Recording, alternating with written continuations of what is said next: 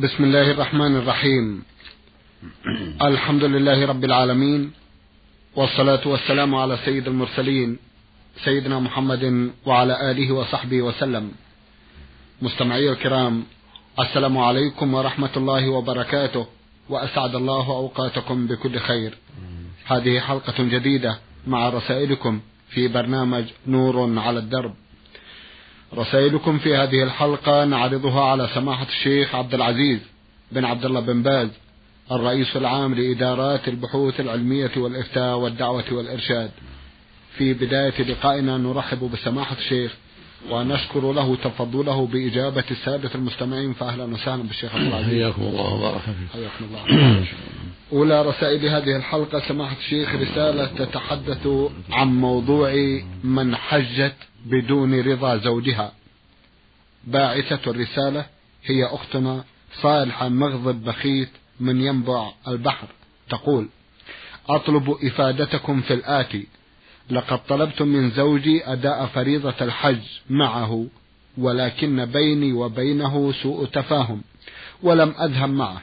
وبعد عام أديت فريضة الحج والعمرة مع إخواني من غير رضاه. ويقال الزوج إذا كان زعلان عليها لا ترضى الملائكة إلا برضا زوجها. والرجاء إفادتي هل حج هل حجي صحيح من غير رضاه أم لا؟ ولكم الشكر. بسم الله الرحمن الرحيم. الحمد لله وصلى الله وسلم على رسول الله وعلى آله وأصحابه ومن اهتدى بهداه. أما بعد فالحج الفريضة لا يشترط فيه رضا الزوج. لكن إذا تيسر رضاه فهو أحسن وأطيب وإلا فلا يشترط. حجك صحيح والحمد لله. وهذا شيء لازم لك ولغيرك من المكلفين. كل من استطاع الحج وجب عليه الحج. فالزوجة إذا لم يأذن زوجها لها في الحج فريضة يسقط حقه وعليها أن تحج. كما أن عليها أن تصوم رمضان ولو لم يرضى. وإنما هذا في النافلة. ليس لها حج النافلة ولا صوم النافلة وهو شاهد إلا بإذنه. فأما حج الفريضة فلها أن تحج بغير إذنه إذا لم يسمح لها. لأن الله وجب على المسلمين حج الفرض. في قوله سبحانه ولله على الناس حج البيت من استطاع إليه سبيلا.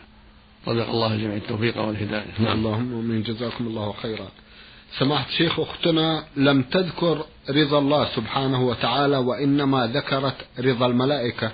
لعل لهذا شيء من التصحيح شيخ عبد العزيز. هذا جاء في الحديث عن النبي صلى الله عليه وسلم. اللهم صل عليه. إذا مات الرجل وهو غضبان على زوجته كان يسمى ساخط عليها حتى يرضى عنها. اللفظ الآخر لعنتها الملائكة حتى تصبح. فالواجب على المرأة أن تطيع زوجها في المعروف إذا دعاها إلى فراشه ولا تغضبه إلا من علة. فإذا أغضبته وبات وهو غضبان عليها هذا في خطر عليها. من غضب الله وغضب الملائكة جميعا. فينبغي للمرأة أن تحذر هذا وأن تجتهد في طاعة زوجها والتماس رضاه في المعروف لا في المعاصي. إلا أن تكون هناك علة كأن تكون مريضة مرضا لا يمكنها من تمكينه من حاجته. فهي معذورة. أو كان قصر في حقها ولم يقم بواجبها فلها المطاعة في حقها فإذا أدى حقها وجب عليها السمع والطاعة في أداء حقه والعمرة مثل الحج مثل ما تقدم العمرة مثل الحج. نعم. لأنها فريضة على الصحيح فإذا لم يسمح لها بالعمرة فلها أن تؤدي العمرة بغير إذنه. وهي وهي مرة في العمر كالحج. الحج مرة في العمر والعمرة مرة في العمر والباقي نافلة. رسالة وصلت إلى البرنامج من أحد الإخوة المستمعين يقول عين سين. أخونا يسأل مجموعة من الأسئلة في سؤاله الأول يقول أرجو أن تتفضلوا بالإجابة على الأسئلة التالية وهي كما يلي. ما الفرق بين الآيات الكريمة؟ في الآية الخامسة عشرة من سورة الجن قال الله تعالى وأما القاسطون فكانوا لجهنم حطبا. وفي الآية السابعة من سورة الممتحنة قال تعالى إن الله يحب المقسطين.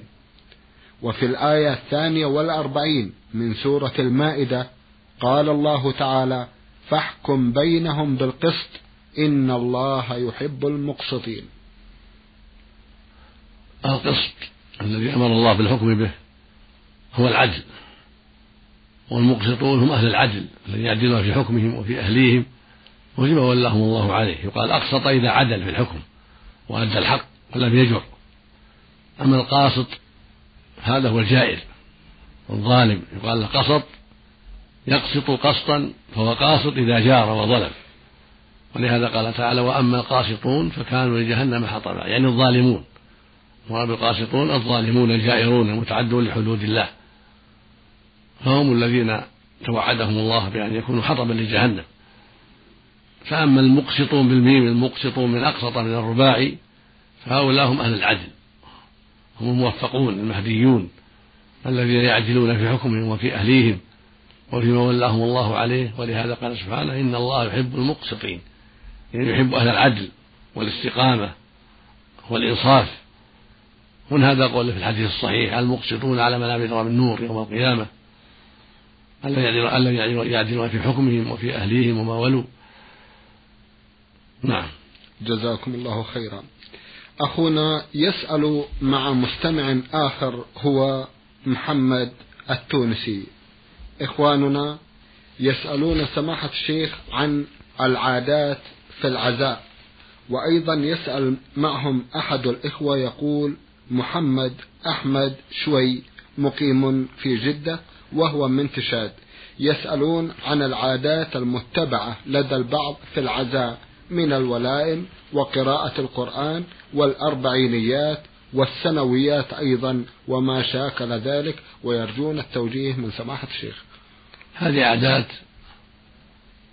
لا أصل لها ولا أساس لها بل هي من البدع ومن أمر الجاهلية. كونه يقيم وليمة إذا مات الميت يدعو إليها الجيران والأقارب ونحو ذلك ويقيمونها بالبكاء أو بالقراءة أو نحو ذلك.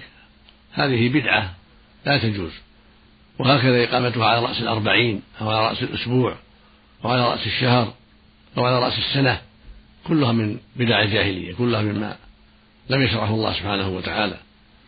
وإنما المشروع لأهل الصبر والاحتساب والعزاء يعني العزاء من ما أصابهم أن يتعزوا بالله ويرضوا عما قدر عليهم سبحانه وتعالى ويحتسبوا الأجر عنده عز وجل. ولا مانع أن يصنعوا لأنفسهم الطعام العادي لأكلهم وحاجاتهم. وهكذا لو نزل بهم ضيف صنعوا له طعام العادي لا بأس.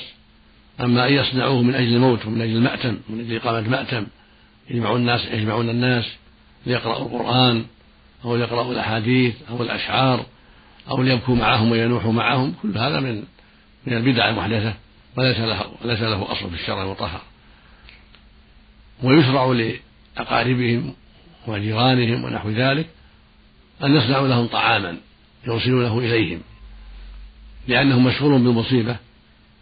فإذا صنع لهم جيرانهم أو بعض أقاربهم طعاما يوم الموت أو اليوم الثاني أو نحوه وأرسلوه إليهم جبرا لمصابهم وإعانة لهم على مصيبة لأنهم مشغولون قد لا يتفرغون للطبخ قد يعني يكسلون عن ذلك لشدة المصيبة. هذا أمر مشروع. وقد ثبت عن رسول الله عليه الصلاة والسلام أنه لما أتى نبي جعفر بن أبي طالب رضي الله عنه حين قتل في مؤتة في الشام وجاء خبره إلى المدينة رضي الله عنه أمر النبي صلى الله عليه وسلم أهله أن يصنعوا طعاما لأهل جعفر. وأن يصنعوا لهم طعاما فقد أتاهم ما يشغلهم. يعني بعثوا لهم طعاما من أهله صلى الله عليه وسلم إلى أهل جعفر لأنه قد أتاهم ما يشغلهم. يعني يشغلهم عن صنع الطعام. فهذا أمر مشروع ولا شيء وليس فيه بأس. نعم. بارك الله فيكم. أخونا عين سين أيضا يسأل سماحة الشيخ ويقول ما رأيكم في حجاب كبيرات السن؟ هل هو كغيرهن أو لا؟ كبيرات السن قد سامحهم سامحهن الله وعفى عنهن. إذا كن لا يرجون النكاح ولا يتبرجن بالزينة مثل ما قال سبحانه وتعالى والقواعد من النساء اللاتي لا يرجون النكاح فليس عليهن جناح أن يضعن ثيابهن غير متبرجات بزينة وأن يستعففن خير لهن والله سميع عليم. فالقواعد هن العجائز كثيرة السن. اللاتي لا يرجون نكاحا ما عندهن رغبة في النكاح لكبر السن وضعف القوة. قال الله فليس عليهن جناح يعني حرج أن يضعن ثيابهن يعني أن يكشفن عن وجوههن وأيديهن لأنهن لا رغبة للناس فيهن ولا طمع للرجال فيهن. بشرط لا يكون متبرجات بزينة. بشرط لا يكون يتبرجن بالزينة يلبسن الملابس الجميلة ويعتنين بها بهذا الأمر كالكحل وتحسين الوجه ولبس الملابس الجميلة. إذا كن يفعلن ذلك فعليهن جناح ليس لهن الكشف وعليهن التستر والحجاب. أما إذا كنا لا لا يتبرجن بالزينة بل أمرهن عادي الوجه عادي واللباس عادية لباس عادي نعم. فلا بأس بالكشف لعدم الرغبة فيهن ولكن عدم الكشف أفضل حتى ولو كنا كبيرات ولو كنا غير متبرجات ولو كنا لا يرجون النكاح كونهن يتعففن أولى ولهذا قال وأن يستعففن خير لهن يعني وأن يستعففن ولا يظهرن شيئا إلا إلا ما أباح الله إظهاره كملابس الظاهرة هذا لا بأس به. طيب. فهذا أفضل لهن وخير لهن. نعم. أخونا محمد التونسي يسأل سماحة الشيخ ويقول شيخنا الجليل ابن باز نتوجه إليكم بالأسئلة التالية. رجاء أن تفيدونا بخصوصها ولكم من الله الأجر والثواب العظيم. الموظفون في تونس يتسلمون رواتبهم عن طريق الحسابات الجارية بالبريد أو البنك بصورة إجبارية. فلا تدفع الرواتب إلا بهذه الصورة تسهيلا لعملية الدفع ونتيجة لهذا يسلم البنك أو البريد لصاحب كل حساب مبلغا زائدا في نهاية كل سنة يزيد أو ينقص حسب كمية ومدة بقاء المبلغ في الحساب الجاري. فهل يصح فهل يصح الأخذ لهذا المبلغ الزائد أم يعتبر ربا ومالا حراما؟ وما وجه حرمته إن كان كذلك وكيف يتخلص منه؟ إذا لم يكن هذا عن اتفاق وإنما هو شيء بذله البنك الذي تحول من من طريقه الرواتب. أعطى الموظفين هذه الزيادة من دون مشارطة ولا اتفاق بينه وبين الدولة ولا بينه وبين أهل الرواتب إنما هو شيء منه بالنظر إلى أنه انتفع بها واستفاد منها هذا لا يضر ولا حرج على صاحب الراتب في أخذه. أما إذا كان عن عن اتفاق بينه وبين الدولة على أنها تحول من من طريقه الرواتب وأنه يعطي بدلا منها من هذه الرواتب يعطي زيادة في مقابل انتفاعه بها فإذا حولوا من أجله من طريقه مثلا مئة ألف دولار أعطى أهلها مع المئة ألف ألف دولار زيادة من اتفاق بينه وبين الدولة أو بينه وبين الموظفين لو كان الأمر باختيارهم هذا يكون من الربا.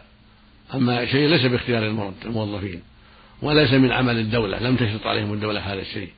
وإنما هم بذلوه فقط من أجل أنهم انتفعوا بهذه الدولارات أو بهذه الدراهم أو الجنيهات.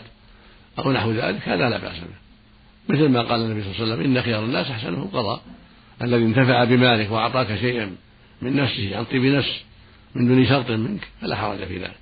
فلو أنك أقرضت إنسانا مئة ألف قرضا حسنا من دون مشارطة في شيء ثم لما قضاك المبلغ زادك شيئا مكافأة حسنة شكرا لك على إقراضك إياه هذا لا حرج فيه. لقول النبي صلى الله عليه وسلم إن خيار الناس أحسنهم قضاء. وقد اقترض النبي صلى الله عليه وسلم أربعين ألفا أربعين ألف فرد ثمانين ألفا كما ذكر ذلك ابن القيم وجماعة فالحاصل أنه إذا كان القرض ليس فيه مشارطة وإنما أقرضته شيئا فلما قضاك زادك فهذا لا بأس به. أما أن يزيد أن يعطيك قبل الوفاء. حتى تمهله. فلا يجوز. أو تشترط عليه قبل ذلك أنه يعطي كذا وكذا هذا ربا. أما إذا كان عند الوفاء أعطاك شيئا من دون شرط ولا اتفاق ولا تواطؤ هذا ليس من الربا في شيء. وإنما الربا الذي نهى عنه أصحاب النبي صلى الله عليه وسلم وجاءت السنة به وجاء القرآن به أيضا هو الشيء المتواطى عليه والمتفق عليه أنك تؤجله ويعطيك زيادة عن التأجيل. أو يهدي لك هدايا حتى تمهله حتى تؤخر. كما قال عبد الله بن سلام وزيد بن ثابت وابن مسعود وجماعة قالوا إذا كان لك على شخص دين فأهدى إليك حمل قت أو كذا أو كذا فلا تقبله فإنه ربا. لأنه إنما أهدى إليك حتى تمهله حتى تنظره فكأنه يقول أمهلني ولك كذا وكذا. هذا من ربا الجاهلية.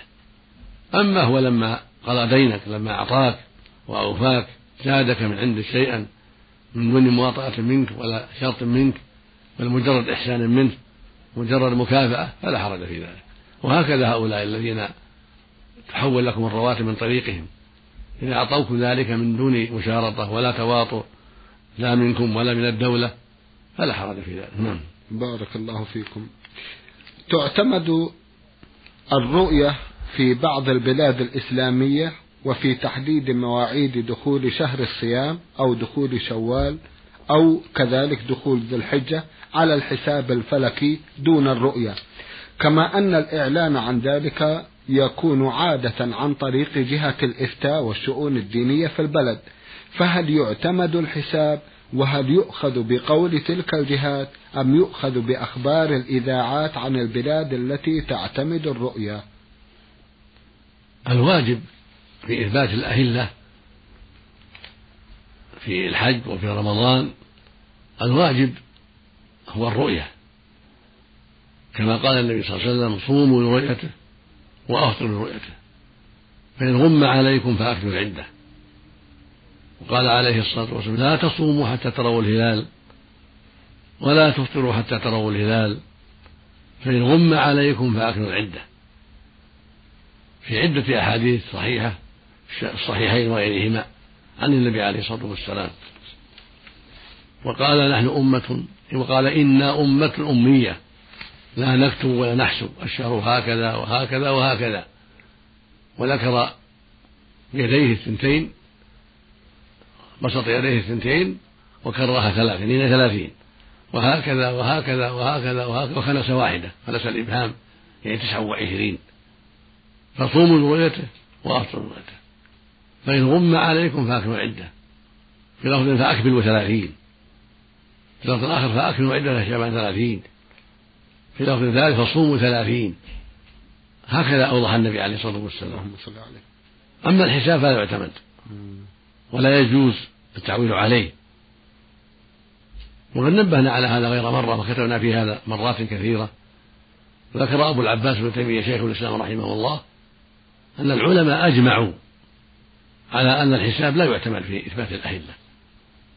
وإنما العمدة هو رؤية الهلال أو إكمال العدة فإذا رؤي شعبان مثلا ليلة الأحد وجب إكماله فيكون الصوم بالثلاثة. يكون كماله يوم الاثنين والصوم بالثلاثة إذا لم يرى الهلال ليلة الاثنين. ولو قال الحاسبون إنه يدخل يوم الاثنين. ما عليه عمل وكذلك لو قال الحاسبون إنه لا يدخل يوم الأربعاء فلا عبرة بقولهم يصام بالثلاثة. لأن كملنا شعبان ثلاثين؟ لأنه دخل ليلة الأحد فإذا لم يرى ليلة الاثنين كملناه ثلاثين؟ لقوله صلى الله عليه وسلم صوموا لرؤيته وافطروا لرؤيته فإن غم عليكم فأكملوا عدة شعبان ثلاثين. فأكملوا عدة ثلاثين. وقد أكملنا بحمد الله ثلاثين. وهكذا. المقصود أنه أنه لا يعول على الحساب وعلى قول الحاسبين وإنما التعويل على الرؤية. هكذا أخبرنا نبينا عليه الصلاة والسلام وهكذا درج سلفنا الصالح من الصحابة رضي الله عنهم وأتباعهم بإحسان وهكذا نقل الإجماع على ذلك. من ذكرنا وهو أبو العباس بن تيمية شيخ الإسلام وبين ذلك آخرون من أهل العلم. وأما وجود من خالف بهذا من المتأخرين فلا يلتفت إليهم. ولو كانوا كبارا ولو كانوا علماء لا يلتفت إليهم في هذا الأمر لأنهم خالفوا السنة. والله سبحانه يقول يا أيها الذين آمنوا أطيعوا الله وأطيعوا الرسول وأولي الأمر منكم. فإن تنازعتم في شيء فردوه إلى الله والرسول. إن كنتم تؤمنون بالله واليوم الآخر ذلك خير وأحسن تأويلا. ويقول سبحانه ما اختلفتم فيه من شيء فحكمه إلى الله. وهذه المسألة إذا ردت إلى كتاب الله فالله يقول أطيعوا الله وأطيعوا الرسول. ويقول وما آتاكم الرسول فخذوه وما نهاكم عنه فانتهوا. ويقول سبحانه فليحذر الذين يخالفون عن أمره أن تصيبهم فتنة أو يصيبهم عذاب أليم. ويقول عز وجل فلا وربك لا يؤمنون حتى يحكموك فيما شجر بينهم. ثم لا يجدوا في أنفسهم حرجا مما قضيت ويسلموا تسليما. هكذا جاء في كتاب الله العظيم. ويقول النبي صلى الله عليه وسلم كما تقدم في الأحاديث لا تصوموا حتى تروا الهلال. ولا تفطروا حتى تروا الهلال. فإن غم عليكم فأكلوا العدة. وفي اللفظ الآخر لا تصوموا حتى تروا أو تكملوا العدة. ولا تفطروا حتى تروا الهلال أو تكملوا العدة. فإن غبي عليكم فأكلوا العدة ثلاثين. هذا أصرح شيء وأبينه في كلام النبي عليه الصلاة والسلام. فلا يجوز أن يعول على ما يخالف ذلك. والله ولي التوفيق. جزاكم الله خيرا.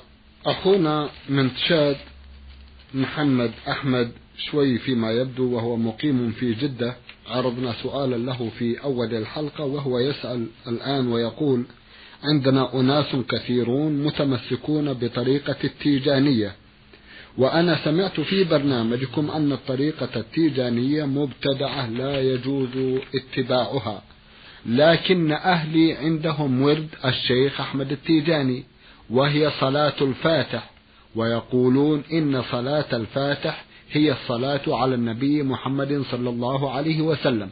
واسألوا الآن هل صلاة الفاتح هي الصلاة على النبي أم لا؟ أرجو توضيح ذلك حيث يقولون إن من كان يقرأ صلاة الفاتح وتركها يعتبر كافر ويقولون إذا ما كنت تتحمل هذا وتركتها ما عليك شيء وإذا تحملتها وتركتها تعتبر كافرا. وقد قلت لوالدي إن هذا لا يجوز فقالوا أنت وهابي. وشتموني ويستمر على هذا المنوال سماحة الشيخ ويرجو منكم التوجيه والإرشاد. طريقة التجانية الطريقة التجانية لا شك أنها طريقة مبتدعة ولا ينبغي لأهل الإيمان أن يتبعوا الطرق المبتدعة لا التجانية ولا ولا غيرها.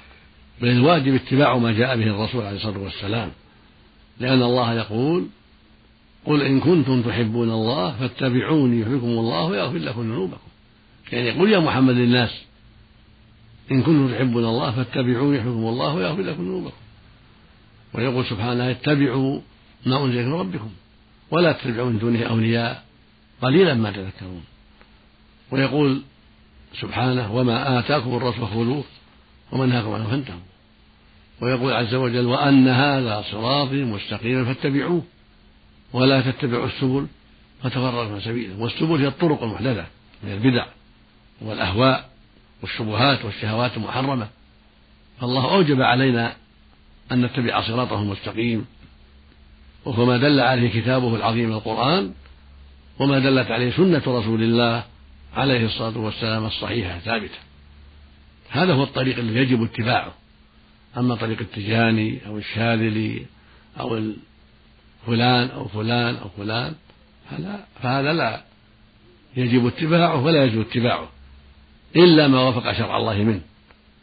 ما وافق شرع الله من هذه الطرق قبل لأنه موافق شرع الله لا لأنه طريق التجاني أو الشيخ عبد القادر أو الشاذلي أو فلان أو فلان لا نأخذه ما فيه طريقة من خير نأخذه لأنه وافق الشرع المطهر.